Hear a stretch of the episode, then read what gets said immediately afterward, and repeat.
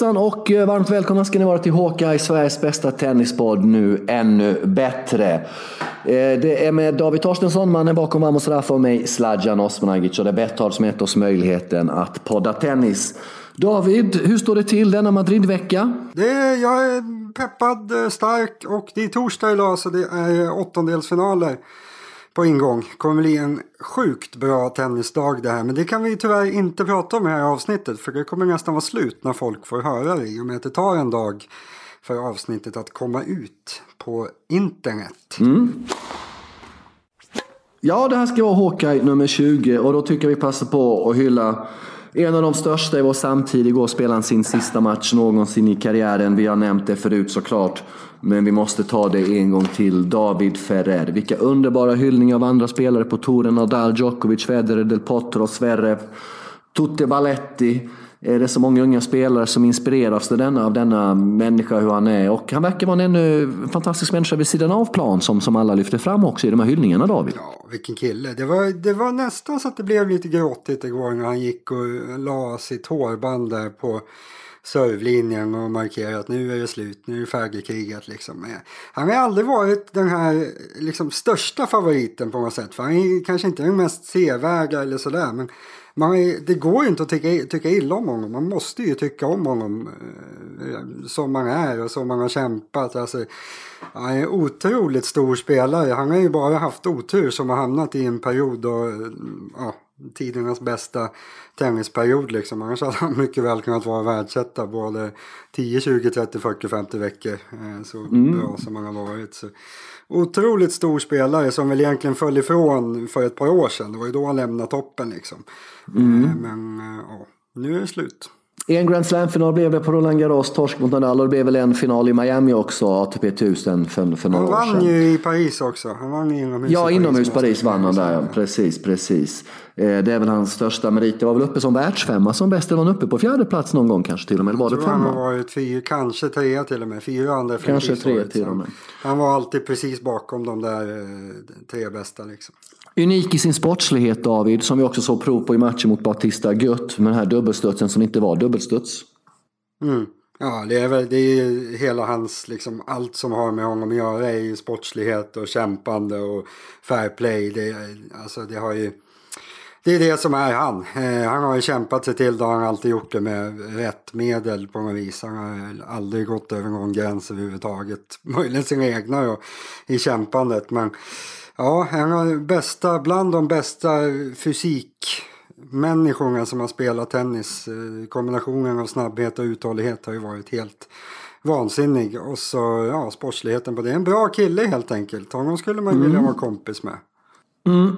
Kyle Edmund skulle kanske kunna lära sig lite sportslighet av honom också. Har du något specifikt David Ferrer-minne du gärna plockar fram så här som, som är personligt? Ja, alltså inte så jättepersonlig. Jag, jag minns ju när Söderling i sin sista match slog honom och tappade typ 3 game. Det är ett bra minne för, för min del. Eh, det visste man I inte då. där det menar du? Ja, precis. Mm, mm, mm, visste mm. man inte att det var Söderlings sista match. Men eh, han är inblandad i det där. Att han slutade på topp kan man säga Söderling. Det är ganska bra att tappa 3 game till, eh, jag tror det var 3 game till färre.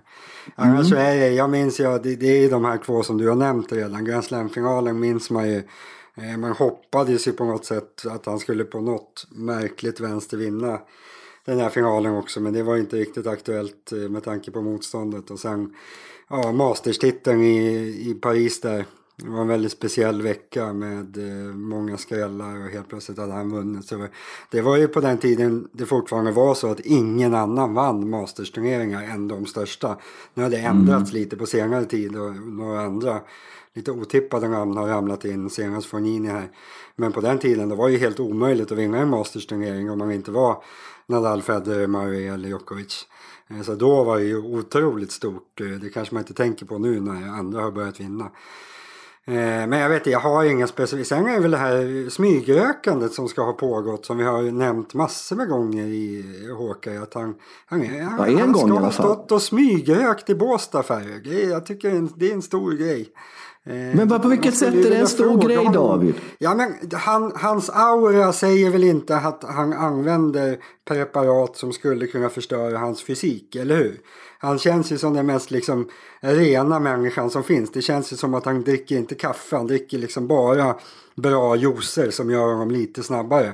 Att han då skulle stå och puffa lite eh, eventuellt mellan matcherna i en ATP-turnering. Jag tycker inte det riktigt stämmer in med hans övriga sätt. Eh, så det, det är väl ja, men nu är ju, nu är ju, nu är ju, nu får du, nu får du, nu får du stoppa bandet. För det första så bygger ditt resonemang på 67 000 olika antaganden du har gjort utan ja, att överhuvudtaget liksom. Ja, ja, ja. Eh, du frågar mig om minnen, vad ska jag göra? Ja, det är väl ja, ja, jag får ja, ta mina minnen om jag vill. Förstör inte mina minnen för fan. Nej, nej, men jag har svårt att se liksom att om man tar en, en cigg efter en bärs, liksom, eh, vad, vad, vad, vad som är så...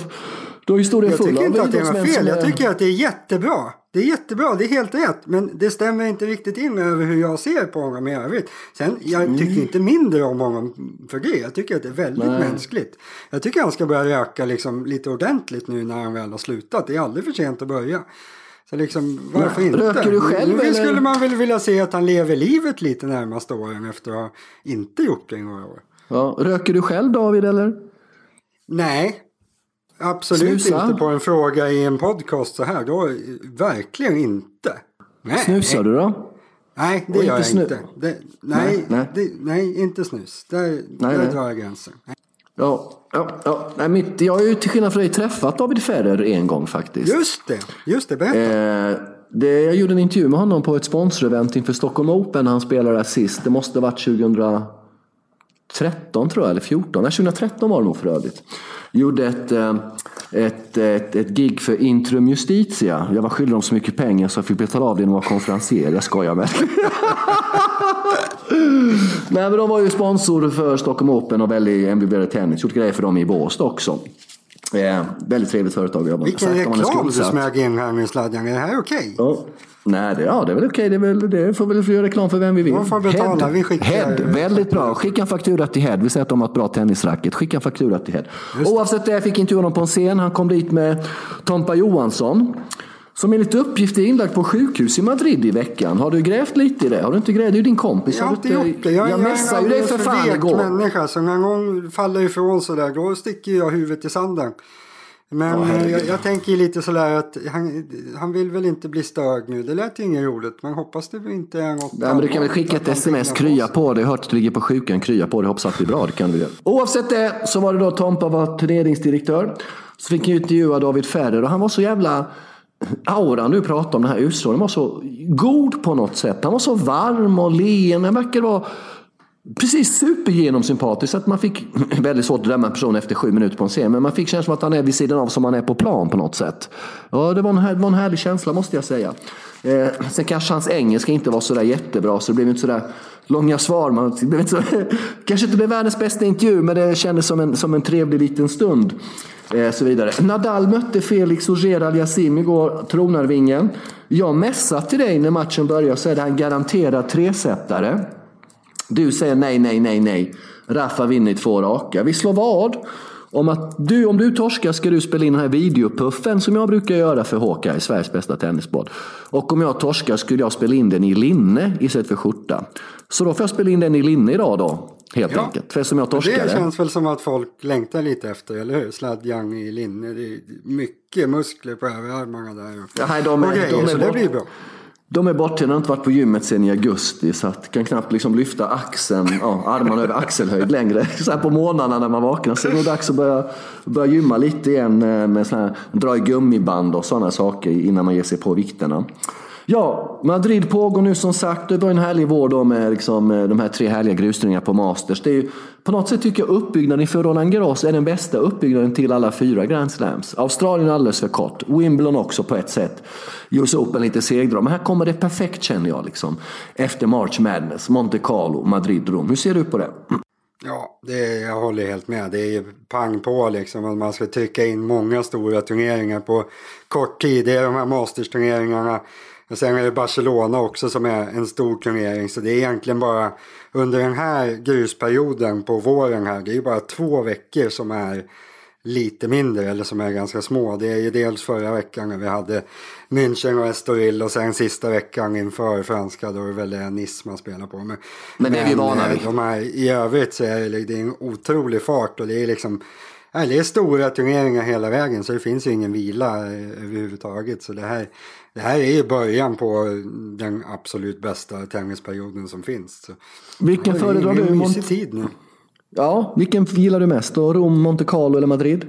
Vilken svår fråga. Får man gilla dem på olika sätt? Alltså? Ja, Men ja. Jag tror att jag egentligen gillar Rom bäst. Mm. Sen, jag, jag var ju där, var det förra sommaren var jag där och tittade. Då kände jag väl fan det här är ju inte så bra liksom. Det är inte publikvänligt överhuvudtaget och det är liksom Nej, men när man, jag bedömer ju hellre saker framför tvn. Jag skulle ju säkert tycka illa om alla tennisspelare om jag fick träffa dem. Liksom. Så jag försöker undvika det där. Samma sak med, det är inte bra att vara på turneringarna för då upptäcker jag ju allt som är skit.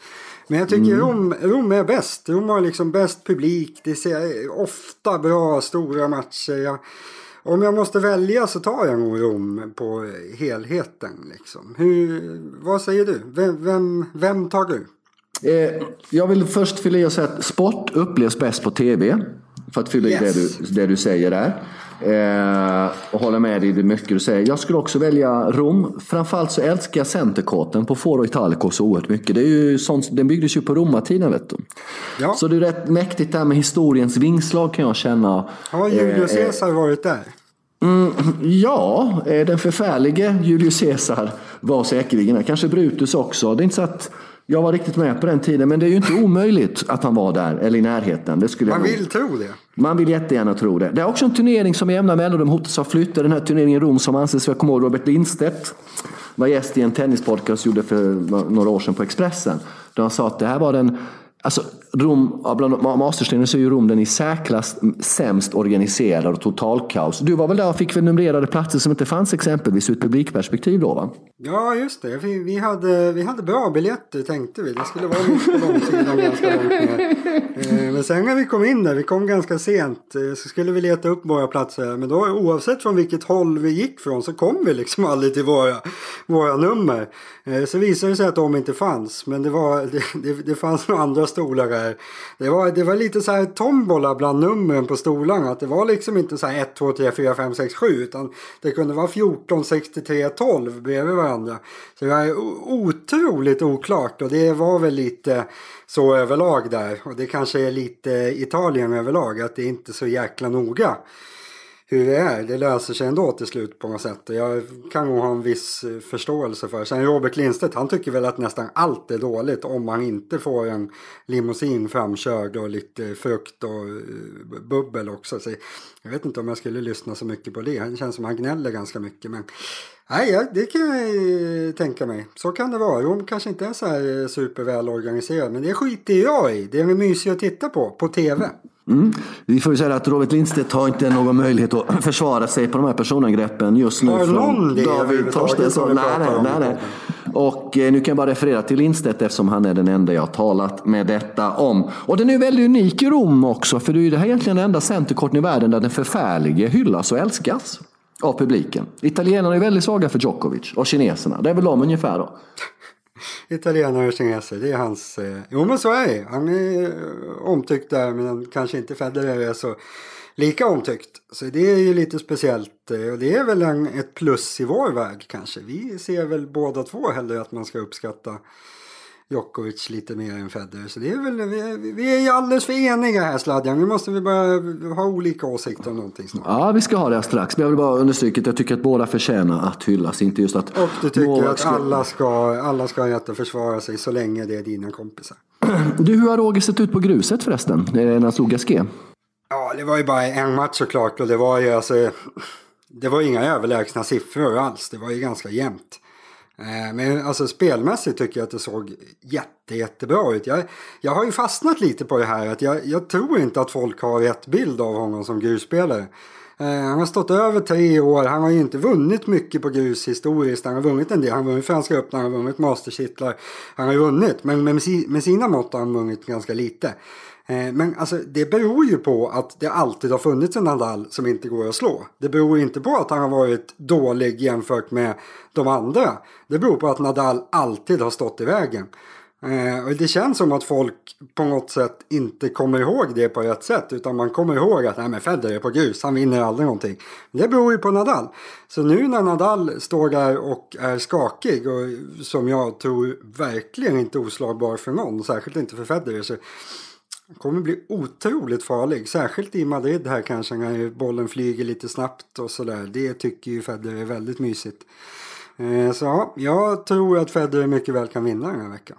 Har du förresten sett, visar de här Barilla-reklamen med Roger i Sverige? Som de kör här nere? Jag tittar inte på reklam. Det gör man bara om man tittar på sån här gammel-tv. Mm -hmm. Det gör inte jag. Gud vad du är häftig då. då. Okej, okay, då noterar vi det. På landsbygden i Uppsala... Berätta något om Barilla-reklamen Sladjan. Ja, men den är, den är svår. Jag kanske kan, vi kanske kan att när jag ser den på tv nästa gång kanske jag kan banda av lite av den med mobiltelefonkameran och lägga ut på, på se om vår vän som sköter vårt... Vad gör han? Står han och tillverkar pasta eller vad? Kan ja, det, blir, det blir ju bättre om jag försöker spela in det och skicka det till vår social media manager som lägger upp grejerna på, på Insta och Twitter så kan folk få se det där på, på, på Hawkeyes konto. Vi säger så, det blir så jättekonstigt men den är inte... Håll oss på halster bara, gör Ja, den är inte... Det är inte så att man går och köper ett... Jag gick nog fan och köpte ett paket Barilla dagen Vi får skicka en faktura till dem nu också. Head och Barilla ska faktureras för det här avsnittet. Och Intrum, för i hela världen. Intrum, de har pengar. Det är bara... En liten, liten Nej, de, faktura. De, ska vi inte, de fakturerar man inte om man inte har någon anledning till det så att säga. Ja, du, eh, eh, apropå då Roger. Eh, förra veckan i Estoril gjorde Davidovic Fokina succé. Han och torskade mot Gasquet, fick wildcard istället för Berdic eh, till, till Madrid. Men den vann matchen, vann Gasquet, så vi fick inte se Davidovic Fokina då mot Roger. Men Davidovic Fokina har vi som veckans spelare. Och han har ju en svensk koppling då som jag försökt att nästla i hur den ser ut egentligen. Det står ju överallt att han har en svensk, eh, svensk pappa och rysk mamma va? Eh, och så vidare och så vidare. Men vad har vi kommit fram till? Då? Att hans pappa skulle varit Eduardo Davidovic, en boxare, rysk boxare med svenskt pass, va? Var det så? Ja, det är väl det vi har kommit fram till. Det var väldigt stökigt när vi försökte nästla i det här. Och Sladjan är ju väldigt duktig på att nästla i saker. Eh, det verkar inte som att det finns så mycket att veta om det här. En boxare, han verkar inte ha varit eh, tungviktsvärldsmästare riktigt liksom. För det finns väl ingenting att veta om hans eventuella boxningskarriär och han verkar ha lämnat väldigt få spår efter sig i Sverige också känns det som. Men väldigt. tydligen ska han vara svensk medborgare i alla fall. Så kan vi säga att han är halvsvensk då den här Davidovic? Fast han förmodligen ja, har varit i Sverige. Ja, jag vet faktiskt inte riktigt. Han är ju född i Spanien och hans mamma gifte om sig sen då, därav det här tilläggsnamnet Fokina då. då. Eh, och han tränas av Jorge Aguirre som var ganska duktig på grus back in the days på 80-talet mm. om inte jag missminner mig helt. Eh, och eh, Jorge Aguirre har väl varit som en second, han och hans fru har varit som annan, en andra uppsättning föräldrar. Jag såg matchen mot Monfils i Estoril. Jävla vad han slår in vinnare. Det är backhand diagonalt, det är backhand parallellt, det är forehand diagonalt, det är forehand parallellt. Han slår ju på som fan den här Davidovic Fokina. Mm. Mm. Och det, är alltså, det är ju det är ett modernt sätt att spela som jag ser det. I alla fall att alltså, starta sin karriär på det sättet. På att, man, att man har ett väldigt stort fokus på att driva spelet själv. Det känns inte så modernt att komma upp som en, en Nadal för 15-20 år sedan när han bara står och liksom springer längs med väggen där bak och bollar tillbaka. Den spelstilen är ju ganska inaktuell just nu. Det, kan man inte driva spelet så når man inte toppen. Så det, det är en väldigt bra start att smälla på som Davidovic Fokina gör. Sen det gäller ju att det inte blir för vilt som man kan se på vissa av våra svenska spelare genom åren. Det har väl varit vårt största problem att vi alla unga spelare som har kommit fram har dragit varannan boll i skynket bakom banan. Eh, men det känns som han har ett väldigt krispigt spel den här Davidovic. Han, han, han, han smäller på, han är offensiv men ändå under kontroll. Eh, han har ju utvecklats otroligt mycket i år. Han är ju ung, han är född 99. Men han har ju liksom inte fram till i år har han inte stuckit ut sådär exceptionellt mycket. Han har spelat på Källingetouren, han har gjort bra matcher, gjort bra turneringar emellanåt. Men det har inte varit som att han har varit på väg mot ATP-touren överhuvudtaget. Eh, nu i år har han ju vunnit på Källingetouren och han har Ja, nu har han ju slagit igenom. Han slog igenom i Estoril och vann mot och hängde med bra spelare. Så nu är han ju, han är ju redan inne på ATP-touren kan man säga. Eh, att han förlorar mot Gasquet den här veckan ganska tufft att komma in som ung hemmaspelare och förväntas. Han var en ganska klar favorit mot Gasquet enligt oddsen där. Eh, och Gasquet var ju en hjälte när han var en liten parvel, Davidovic. Nej, det, det, var nog en svår situation för honom helt enkelt. Så det ska vi nog inte dra några växlar på. Men otroligt spännande spel. Och vi vill ju veta mer om det här med... Vi vill ju ha honom som halvsvensk, eller hur? Vi behöver en halvsvensk på touren. Ja, det hade gärna haft sett honom som helsvensk om han hade representerat Sverige. Det hade inte haft några som helst problem kan jag meddela. Nej, men nu eh. har vi det här att jobba efter så vi kommer aldrig nå ja. mer än halvsvenskhet som bäst. Nej, Nej men han är halvsvensk. Han är halvsvensk och hederssvensk och vi ska starta en kampanj att han ska ha dubbelt medborgarskap. Hur långt kan den här killen gå då? Hedersmedborgare? Ja. Eh, ja, alltså supersvårt att säga såklart. Han har inte etablerat sig på det sättet att man kan säga att han blir topp 10. Eh, sen, ja, han är 99 men det finns ju andra spelare som är i den och han är ju bara ett år yngre än Tsitsipas till exempel. Mm. Och Tsitsipas är ju ganska etablerad i toppen så Förra året när Tsitsipas var i Davidovics ålder då, då låg ju Tsitsipas väldigt långt framför. Eh, jag tror inte att vi har någon blivande världsetta överhuvudtaget. Eh, landar han på topp 20 ska han vara ganska nöjd. Men eh, först och främst handlar det om att etablera sig på ATP-touren och det får han väl chansen till här framöver. Han kommer få en del wildcards, han är nära att vara topp 100 så han kommer in själv i mindre turneringar. Så det blir intressant att följa men jag skulle ju inte säga att han är, eh, nu kan jag i alla fall inte säga att han är en blivande världsstjärna liksom. Det, det känns väldigt oklart. Men spanjorerna behöver ju någonting. De har ju inte mycket unga killar som kommer upp. Så för, dem får, för dem är det ju väldigt bra att han är på gång. Vi kanske får se honom i Båstad, Davidovic och Kino. Det vore väl bra läge. Superbra ja, läge att ta dit honom. Där. Han är väl fortfarande så pass att han i alla fall inte vill ha pengar för att spela turneringarna. Så det är väl bara att skicka ett wildcard till honom. Det brukar de vara duktiga på i Båstad och gräva fram unga spelare. Så det kan man väl nästan förvänta sig att de försöker få dit honom. Ja, han passar väl mer eller mindre perfekt in i deras profil. Och när vi har dessutom en svensk koppling så är det inte så mycket att snacka om. Du, eh, Mikael Ymer, vad händer för honom? Närmar sig ATP-touren? Har vi något nytt att berätta? Ja, det går bra nu. Jag tjatade mig till att få ha med lite Mikael Ymer i veckans avsnitt här. Mm. Eh, jättebra. Förra veckan var i final i Bordeaux var det väl de spelade. Eh, torskade mot Poi i finalen men gjorde flera bra matcher. Kross, inte krossa, men slog Manarino. Inte enkelt, det var väl 7-5, 7-5. Eh, men liksom han, han, visade att han är, i den matchen var han bättre än Manarino. Eh, och är man det, Manarino dålig på grus och så vidare och så vidare. Men han är han har varit topp 50 i flera år, han är 50 i vägen nu. Och är man kontrollerat bättre än en sån spelare oavsett underlag, då är det bra liksom. Och han floppar inte som Elias Ymer gör, Mikael Ymer. Nu, nu, nu känns det som att han kommer gå långt i varje Challenger han spelar. Och när jag säger det, då säger jag också att han kommer vara på ATP-touren snart. Det är, han är topp 100 i vägen på årsrankingen i år, så han ligger liksom redan i nivå för att bli topp 100. Eh, och, ja, han, han lämnar tyvärr återbud den här veckan så hoppas han inte är skadad. Han är väldigt, väldigt skadebenägen. Eh, men rent spelmässigt så det där vi har en, vi har en svensk, en hel svensk på gång till eh, ATP-touren Sladja. Inte bara en halvsvensk som är eh, talangfull. Så, nej, nu, snart kommer eh, Ymer vara på eh, spela ATP-turneringar. Det är kul! Äntligen en svensk.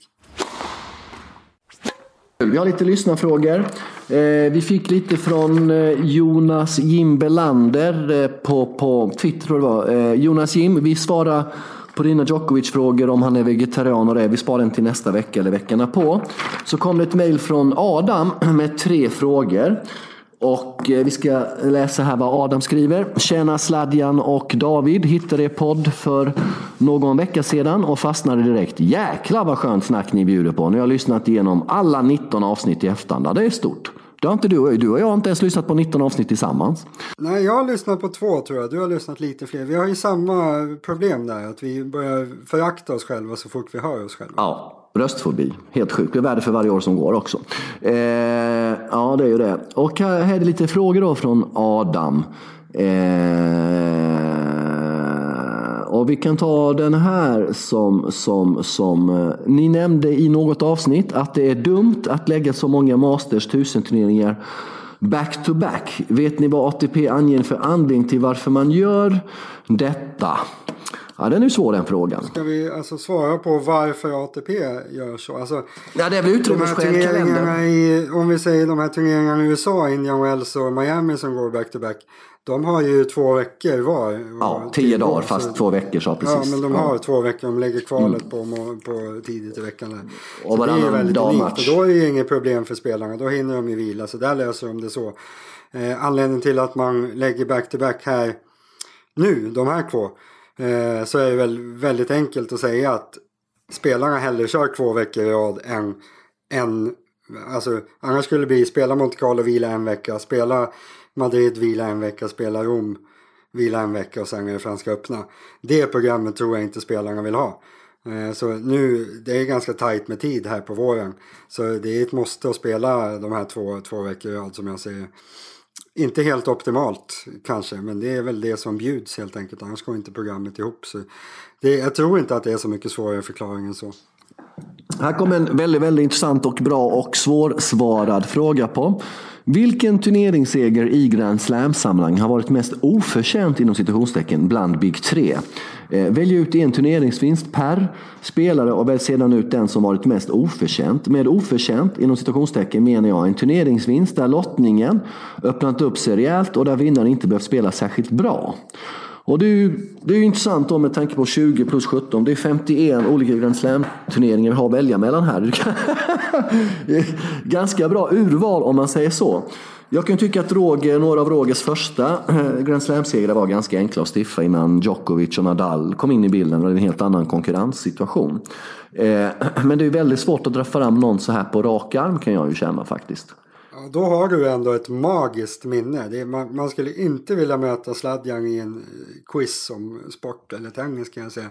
Eh, mitt minne är då helt värdelöst. Eh, så jag, jag är i princip diskvalificerad i den här frågeställningen. Jag, ja. jag håller ju med dig om det du säger där. Det är ju helt rätt. Alltså rent allmänt så många av de Grand Slam-titlarna som Federer plockade innan Nadal kom upp eller innan Nadal blev ens ett hot på hardcourt och så vidare.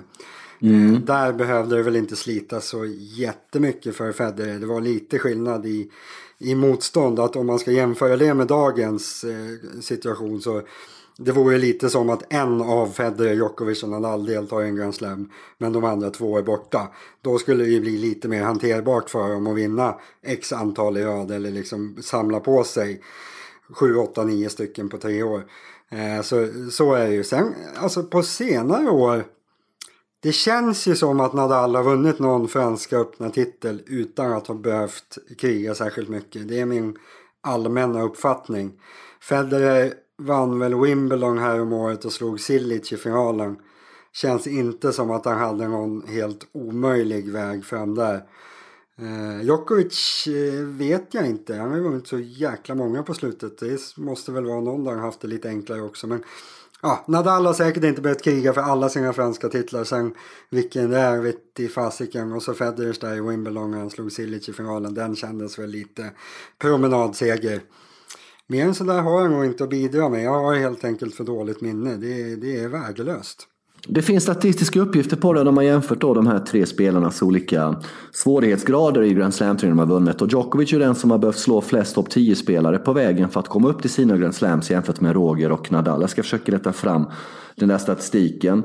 Eh, så det är ju ganska, det är ju svart på vitt statistiskt Det låter rimligt ändå för mm. Djokovic mm. har ju haft, han har ju den allra jobbigaste perioden eftersom han kom sist av dem. Att Exakt. Federer hade ju sin, sina år innan Nadal som var rätt lugna. Eh, när det var Federer och Nadal först, Nadal vann på grus, Federer vann oftast på hardcourt. Ganska lugnt för dem också. Men när Djokovic kom då var ju Nadal etablerad som hardcourt-spelare. Federer var bra fortfarande. Och så skulle Djokovic komma in och bråka där. Så det är ingen skräll att Djokovic har behövt kriga mest.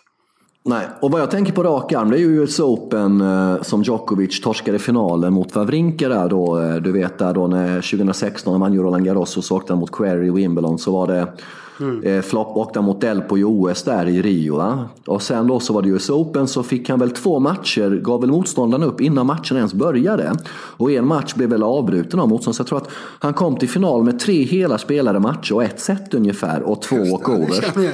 Och sen då så vann Wawrinka finalen helt rättvist. Eh, men hade Djokovic vunnit den så vet jag fan om den. Då hade jag nog kanske definierat den som oförtjänt då. Men nu vann han ju inte den. Men det är det som dyker upp på rak arm. Annars har ju han haft ganska svåra vägar att gå. Vi har en tredje fråga från Adam. Tack Adam för att du skriver till oss och lyssnar på oss. Det uppskattas jättemycket. Och ni mejlar in till hawkeye.betthard.com. Och varför är det viktigt att prenumerera på podden för då David? Ja, det är ju superviktigt. För mm. då missar man ju aldrig någonting. Vi, vi kanske någon gång kommer bli sämre på att påminna folk om när det kommer ut ett nytt avsnitt. Då är det bättre att bara få en notis om det i sin telefon eller vad man nu använder. Mm. Eh, så det ska man ju klicka i, prenumerera på oss. Så ser det ut som att jättemånga älskar oss också om vi har många prenumeranter. Så det är ju superbra, gör det. Ja. Eh, de behöver inte älska oss, men lyssna gärna på oss. Det går bra att älska oss, men lyssna, helst lyssna på oss. Och så vidare. För nästa vecka spelar vi in på tisdag till exempel. Ja, det är jätteviktigt. Men älskar är ett ganska starkt ord. Tisdag. Tisdag spelar vi in nästa vecka, eh, så att då, får vi, då får ni hålla er framme. Tredje frågan då från Adam. Hur ser ni på argumentet som ofta framförs i GOAT-diskussionen med Nadals ojämna distribution på Grand Slam-segrar? Frågetecken.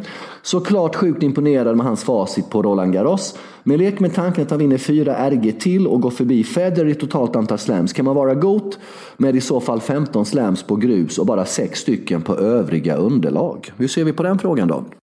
Nej, jag tycker inte det.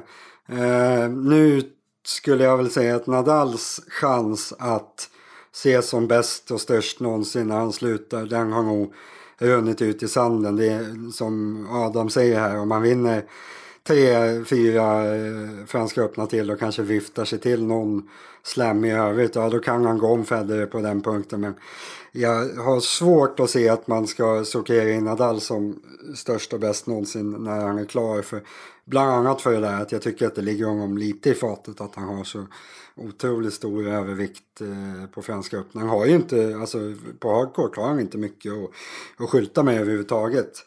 Eh, så i den diskussionen så är det, det får ju vara Djokovic som går om Federer i så fall för att någon annan än Federer ska anses som som eh, bäst och störst genom alla tider. Så ja, jag håller med Adam om funderingen. Jag tycker att det är ett klart minus när man ska avgöra det.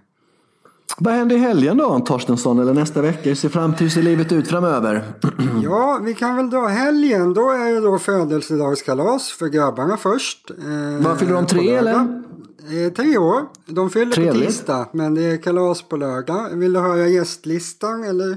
Nej, nej, nej. Det du är tyvärr inte bjuden Sladja. Hade du bott här så hade du nog nästan varit bjuden. Eller nästan? hade varit, det hade varit skitkul. Du hade varit bjuden. Ja. Ja, hade jag, köpt, jag hade köpt lite tennisrack till killarna. Hade det funkat eller?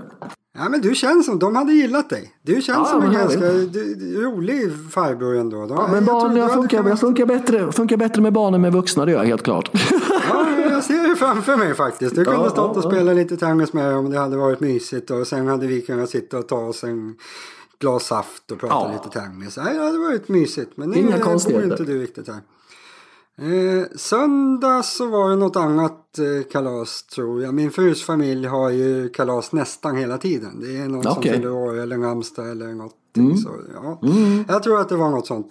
Eh, sen på måndag är det, det, det är semester för mig nästa vecka Sladja. Det är inte dåligt. Jo, Nej. det är semester. Oh, jag, min fru, svärmor plus Agge och Julle ska åka till eh, Spanien en vecka och eh, lata oss. Eller ja, nu är ju barnen med oss så lata sig vet jag inte. Men vi ska vara där i alla fall.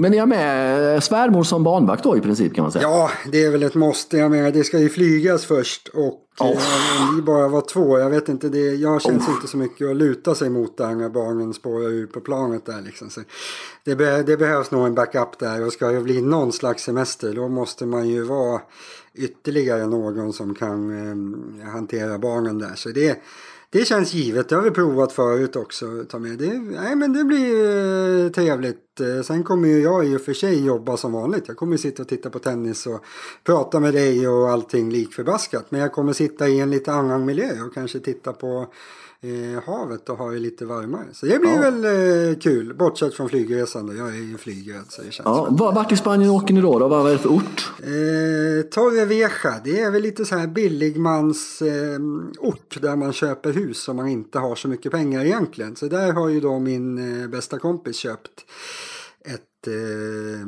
ja, ett boende där. Så ska vi låna det, det blir gratis. Eh, ja, han kanske tror att jag kommer betala för det, det kommer jag inte göra.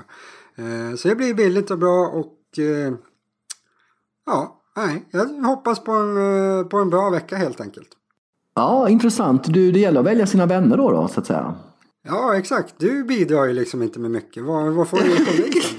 Ja, du skickar ju för sig en massa bilder på möjliga investeringar som vi ska göra i Istrien. Exakt! Vi kommer bli Exakt. husägare tillsammans till slut Det, det kommer bli supersuccé. Vi kör andelshus. Så, så först bara hoppar du på mig, sen ser du att jag har ju någonting att komma med uppenbarligen. Då, kommer, det blir, då blir det livepodd därifrån. Något slags, en liten hydda mitt ute i vildmarken i Serbiens utkanter någonstans. Det kommer ja, öka på kvaliteten ytterligare. Ja, jag vill köpa sommarhus i Istrien, den här norra delen av Kroatien som gränsar mot Slovenien som, som tillhörde Italien fram till andra världskriget som egentligen är en blandning av italienskt och slaviskt. Men de har tagit det bästa av det italienska, det bästa av det slaviska och det bästa av det germanska och lagt på den här halvön. Och fruktansvärt avslappnad stämning och glesbygd, Torstensson. Det är viktigt. Ja, alltså, du kommer inte i kontakt med så mycket för, människor. För båda oss, det är väl där vi möts. Ja. Vi vill ju bara ja. sitta någonstans där det inte finns någon överhuvudtaget. Nej. Möjligtvis varandra och prata lite tennis. Ja. Det, är liksom, något, det är det vi vill ha bara. Ja, något som så, inte är glesbygd. Vad, berätta, vad, vad hände för dig nu Sladjan? Jag, nu, ja, men det är som vanligt, det hände ingenting. Det hände ingenting. Det hände ingenting. Jag är lite besviken. Då. Nej, men jag är lite besviken på mig själv. Jag är lite för social. Jag har inte kommit in riktigt något umgänge här efter två och ett halvt år. Och det är svårt att hitta folk. Hur ska man uttrycka det? de man har kommit i kontakt med, liksom bott där hela livet, kanske inte reser mycket och man kanske tänker väldigt annorlunda. Jag menar, jag är ju ändå en gammal man, snart 50 år om några år här. Jag är ju född början på 70-talet. Jag är uppväxt, eh, liksom uppväxt innan internet och innan globalisering hit och dit. Och liksom, eh, det känns som att man inte har så mycket att prata med, med folk om emellanåt. Liksom, och, ja. Men vi, så du kan ju prata med mig. Jag är ju inte alls så. Jag, jag kan ju internet och sånt till och med. Eller jo, jo, men jag menar att träffa folk liksom... så här face to face, öga mot öga och sitta och surra och sådär. Liksom. jag skulle kunna bli, jag sitter nog lite för mycket hemma faktiskt. Men det är bra, då kollar man mycket på fotboll och tennis. Och det, det, det är det jag har betalt för. Så det känns ju bra på så sätt. Vad är det för men, fotboll i helgen, Sladjan? Berätta för.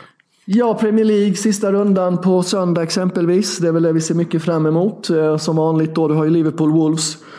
Eh, Brighton eh, City. Liverpool lär väl vinna.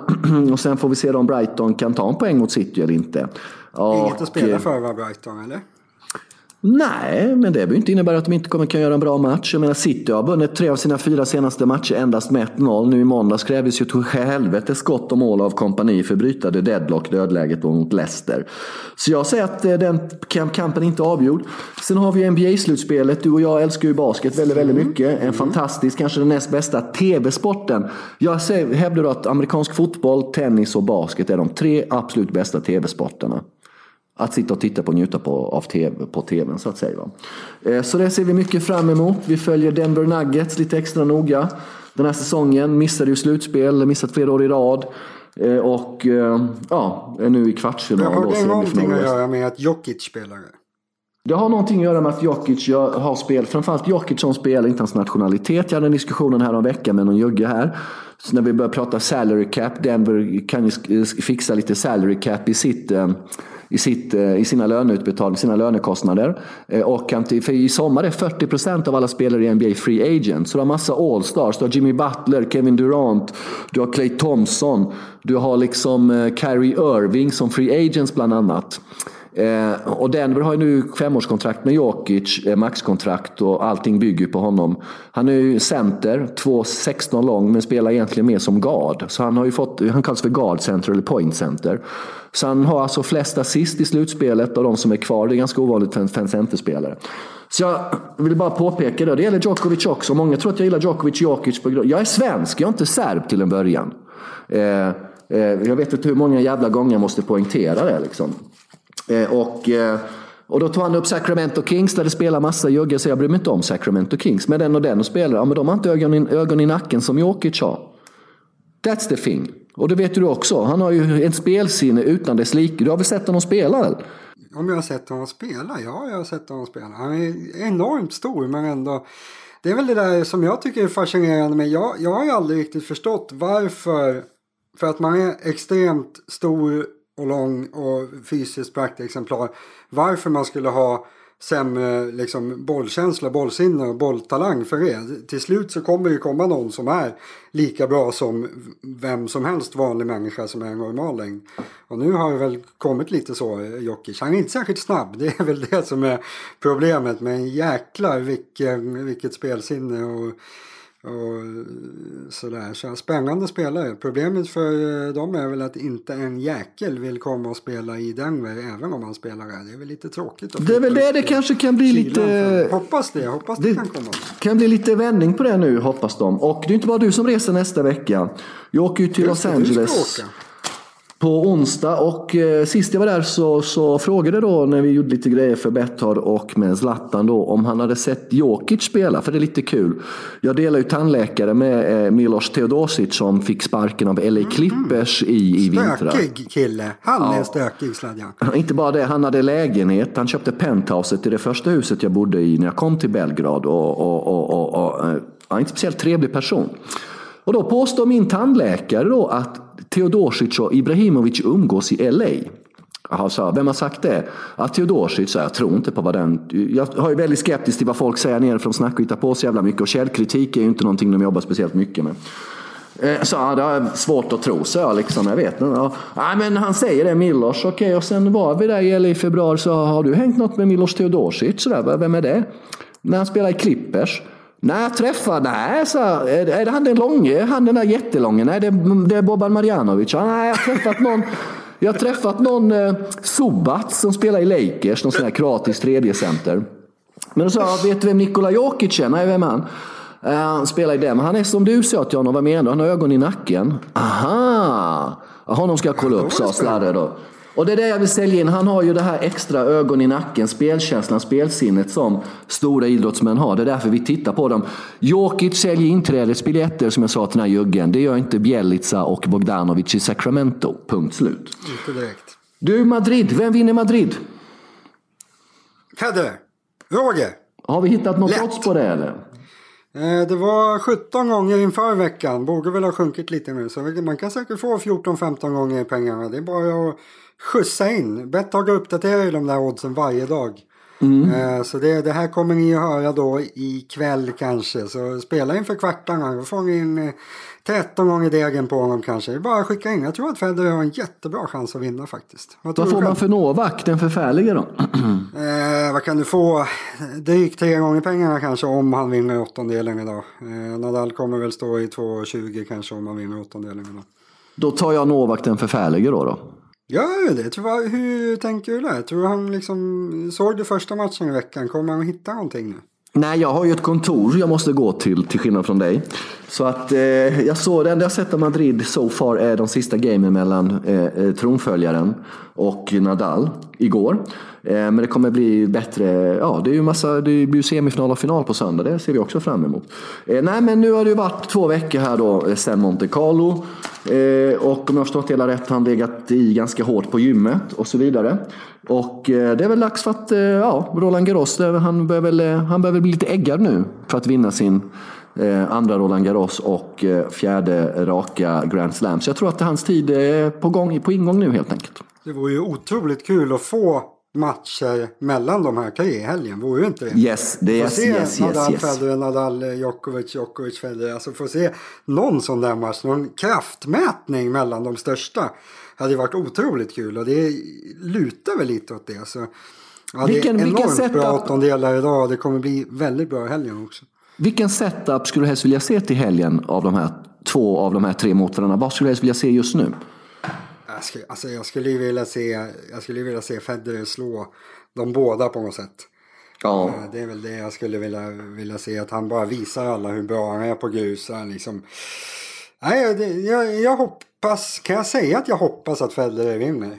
Ja, det kan kanske. du. Du sa det precis. Det vore kul. Det, det vore bra, ja. kul inför franska. Bra. Det skulle bli lite extra fart på folk. Så, nej, jag hoppas att Federer slår båda två. Ni har lyssnat på Håka i Sveriges bästa tennispodd med mannen bakom Sveriges bästa mikroblogg om tennis, David Torstensson, som blir lika varje gång. jättelånga inlägg nu Sladjan. Lugna alltså, dig. Det är, ingen, det är en riktig då? blogg. 319 tecken eller? Det finns ingen räkning på det där. Gå in och läs själv så kanske du får se. Ja, jag ska läsa det medan jag... Medans jag, jag, ska, jag läser det samtidigt som jag avslutar programmet för ungefär en tidig kommentar. som sagt, ni har lyssnat på Håka, Sveriges bästa tennispodd med Torstensson och Osmanagic. Eh, vi tackar Bettor för mötet den här möjligheten. Vi tackar till alla er som har lyssnat. Fortsätt att skicka in era fantastiska lyssnarmail. Det är skillnaden för oss. Adressen är håkaj Vi önskar David eh, Torstensson lycka till med flygresan till Spanien eh, och hem. Det är det enda du kommer se av barnen och familjen när du är på den resan. Och eh, så ska jag kämpa på när jag flyger 11 plus 3 timmar i, i enkel riktning nästa vecka. Hälsa Zlatan! Ja, jag ska hälsa honom från Milos Teodosic kanske, hans kompis numera i Belgrad. och, ja, och hela tandläkaren, så sa jag det till tandläkaren, men jag träffade ju Slarre här nu i februari. Då sa han att han inte har någon aning om Teodosic är. Ja, men jag, han visade ju kort, ja, men att de har fotograferats en gång innebär inte att de umgås för helvete.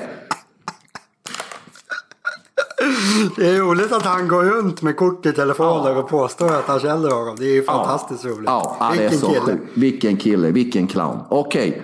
tack allihop. Och så vill vi ha fred i världen, det vill vi ha va? Ja, allt. allt. Hej då, hej hej! Hej hej!